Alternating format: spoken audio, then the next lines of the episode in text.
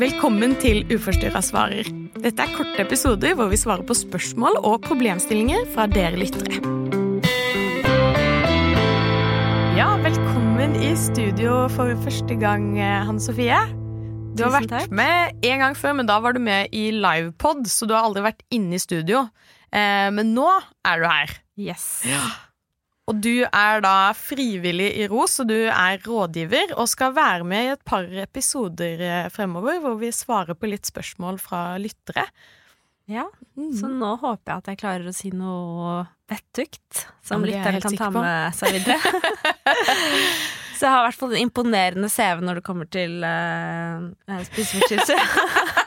har både hatt anoreksi og bulimi, Ja. men uh, også vært frisk uh, i noen gode Noen flere gode år Ja.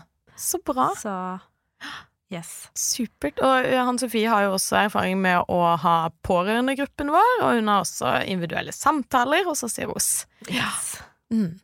Ok, men da kan vi jo ta oss og spole fram til spørsmålet vi har fått i dag. Det går som følgende. Dater en fyr og lurer på når eller hvordan jeg skal fortelle han at jeg sliter med bulimi.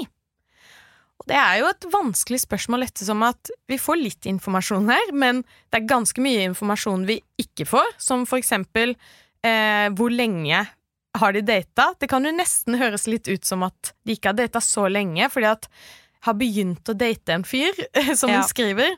Mm. Ja, fordi jeg eh, tenker jo at eh, dette er jo ikke noe man trenger å si på å, første date, nødvendigvis. Mm. Eh, og det er ikke fordi at det er et dårlig innsalg eller noe negativt på datingmarkedet.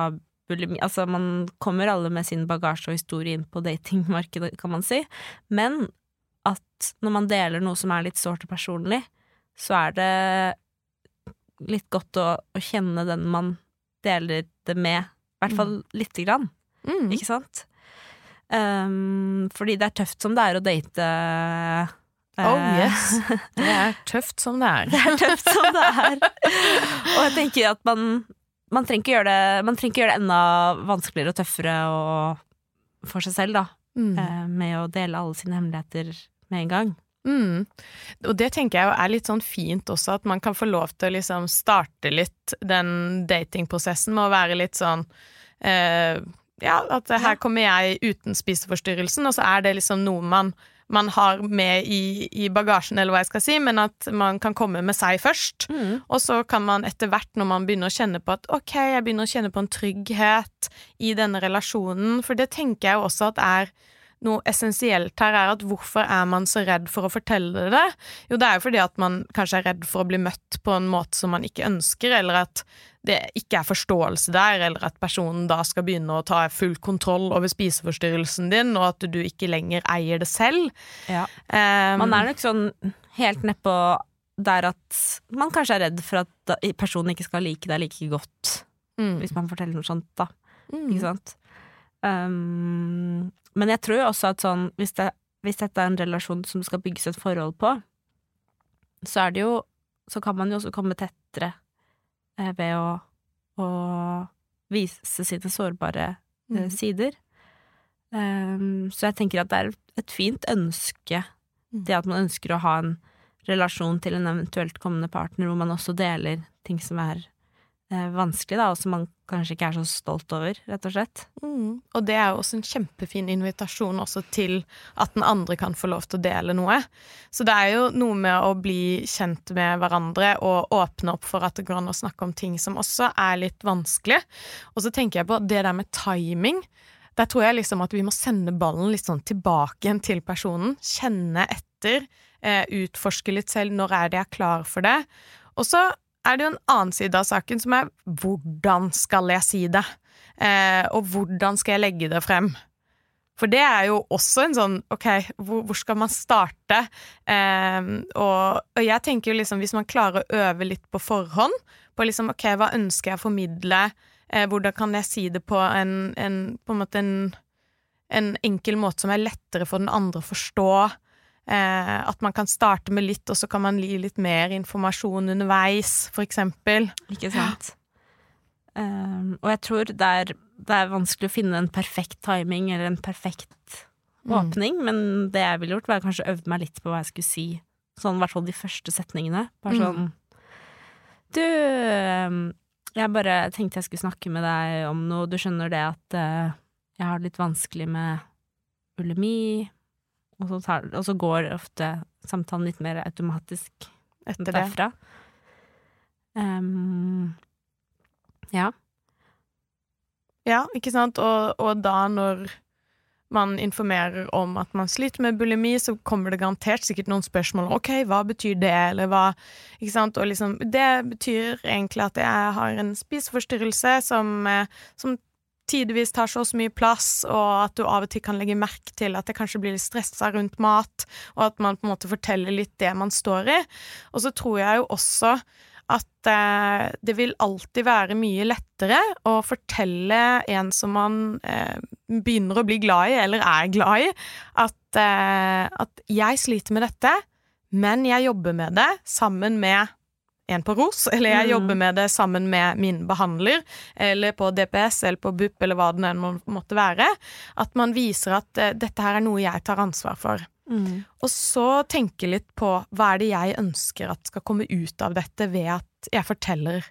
Ja, fordi partneren eller personen du forteller det til, vil jo fort lure på ok, hvor, hvor står jeg i dette her, hva kan jeg gjøre for å hjelpe deg, eller hva, hva trenger du fra, fra meg? Eh, Det ville i hvert fall jeg mm, tenkt, tror jeg. Bare sånn ok, men si fra hvis jeg skal gjøre noe, eller ikke sant? Mm. Så det å ha tenkt litt over det på forhånd også, eh, hva du ønsker at partneren skal være, da.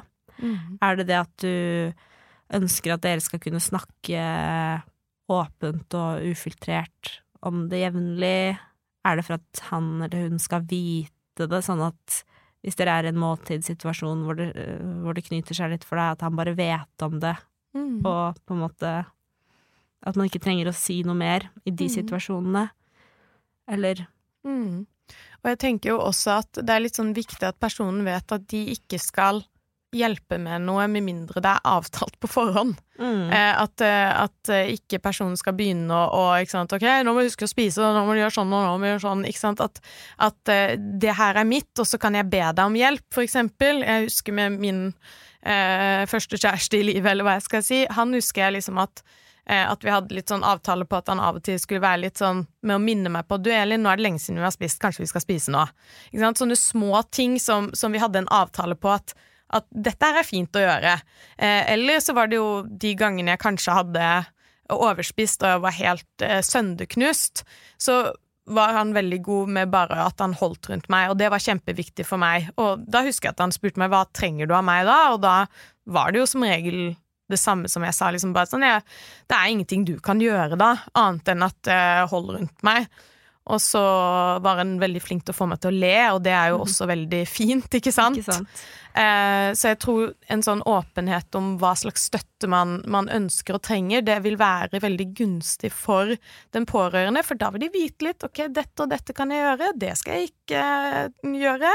Jeg skal ikke drive og liksom hele tiden ha et sånn tilfriskningsfokus. Altså, du skal være kjæreste, Ja, og det er det viktigste. Og så være til stede når man trenger det. Mm. For det tror jeg kan være viktig, det der med at man først og fremst er kjæreste og ikke eh, behandler eller eh, mm, sykepleier, ikke sant? Mm. Eh, og i pårørendesamtaler som vi har på ROS, så er det jo det er ofte en ganske sånn fortvilelse å være pårørende fordi man har så lyst til å gjøre alt man kan Mm. for å hjelpe, og man er redd for å si gale ting som kan trigge Ikke sant? Man lurer, har så mange spørsmål og så store ønsker da, om Mm. å hjelpe, men så er det bare så mye man uh, får gjort, ikke sant?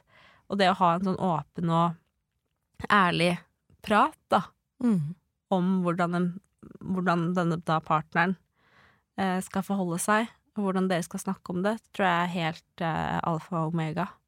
Ja, og så tenker jeg, da kan man jo også liksom ta opp liksom, ok, er det noe jeg ikke skal gjøre? Så bare sånn, ja, bare ikke kommenter eh, noe særlig på hva jeg spiser, eller eh, eh, andres vekt eller min vekt. At man lager noen sånne felles kjøreregler, og de tingene der er fint for alle å ha med seg. Ikke Så det, da gir du egentlig bare vedkommende en gavepakke som de kan ta med seg ellers i livet. At bare sånn, Ikke kommenter på andres vekt, og ikke kommenter på hva de spiser. Ikke sant.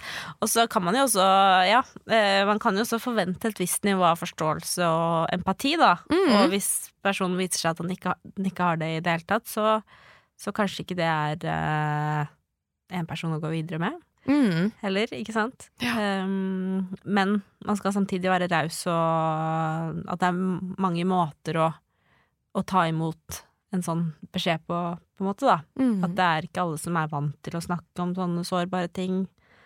Folk vet ikke noe om det, ikke sant. At eh, man må gi folk litt slack også, tenker jeg. Mm. Men bare forvente empati, da. Mm. Og forståelse til en viss grad. Mm. Det tenker jeg også. At det er faktisk lov også som pårørende å ha en reaksjon. Ja. Og, og noen vil jo garantert reagere med å bli skikkelig lei seg. Eh, fordi at man har jo veldig litt lyst til at noen man er blitt glad i, skal ha det vanskelig. Mm. Absolutt. Og så, eh, for å bare ha sagt det også, så tror jeg man Altså sånn ut fra denne historien, så høres det ut som det er ganske sånn i start, relativt startfasen av et forhold, eh, hvor man da kanskje kan være redd for å fortelle om at man har bulimi fordi man er redd for at den andre skal tro at du er overfladisk, eller Ikke sant, at personen ikke skal like deg, da, men min erfaring er i hvert fall at de fleste mennesker evner å se mye mer, eller evner å se forbi en, en spiseforstyrrelse. Liksom. Sånn, det du sliter med der, er en, en, en del av deg, men det er ikke hele deg. Mm. Um, og alle har et eller annet uh, de bærer på, da. Mm.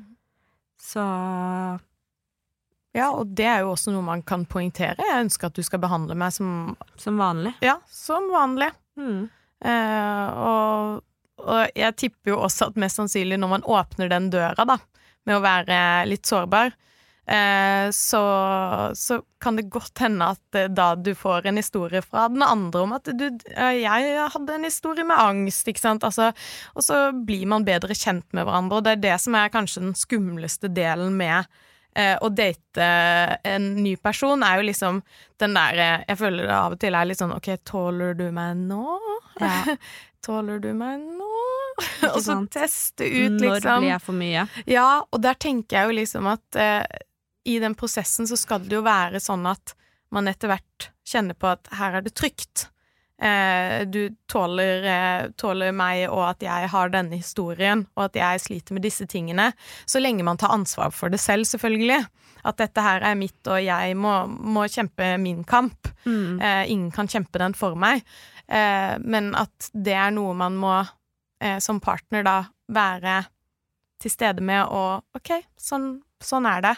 Eh, og møte det på en eh, god måte. Ja. Mm. Og jeg er helt sikker på at det kommer til å gå At det i beste fall her Mm. er noe som kan knytte dere eh, sammen, eller bare det å åpne for en sånn type samtale. Mm. Eh, fordi det gjør at man blir kjent på et nytt nivå, da, og man er dessverre nødt til å være veldig sårbar og legge seg Mm. litt på på, holdt på å si, tilbudsdisken, da, Mm. eh, i, i, i dating. Mm. Og i, det, i den prosessen er å bli kjent med noen. Mm. Intet våger, intet, Intet vinner. vinner. er Ja. Akkurat det.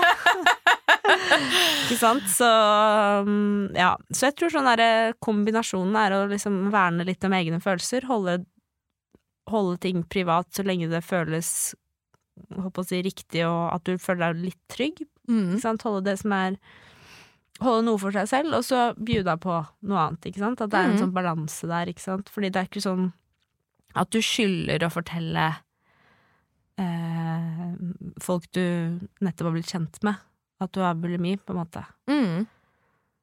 Det Tenker kan du få lov til å ha for deg selv. Verdt å Mm. si, da. At, eh, og du er veldig mye mer enn å ha bulimi også.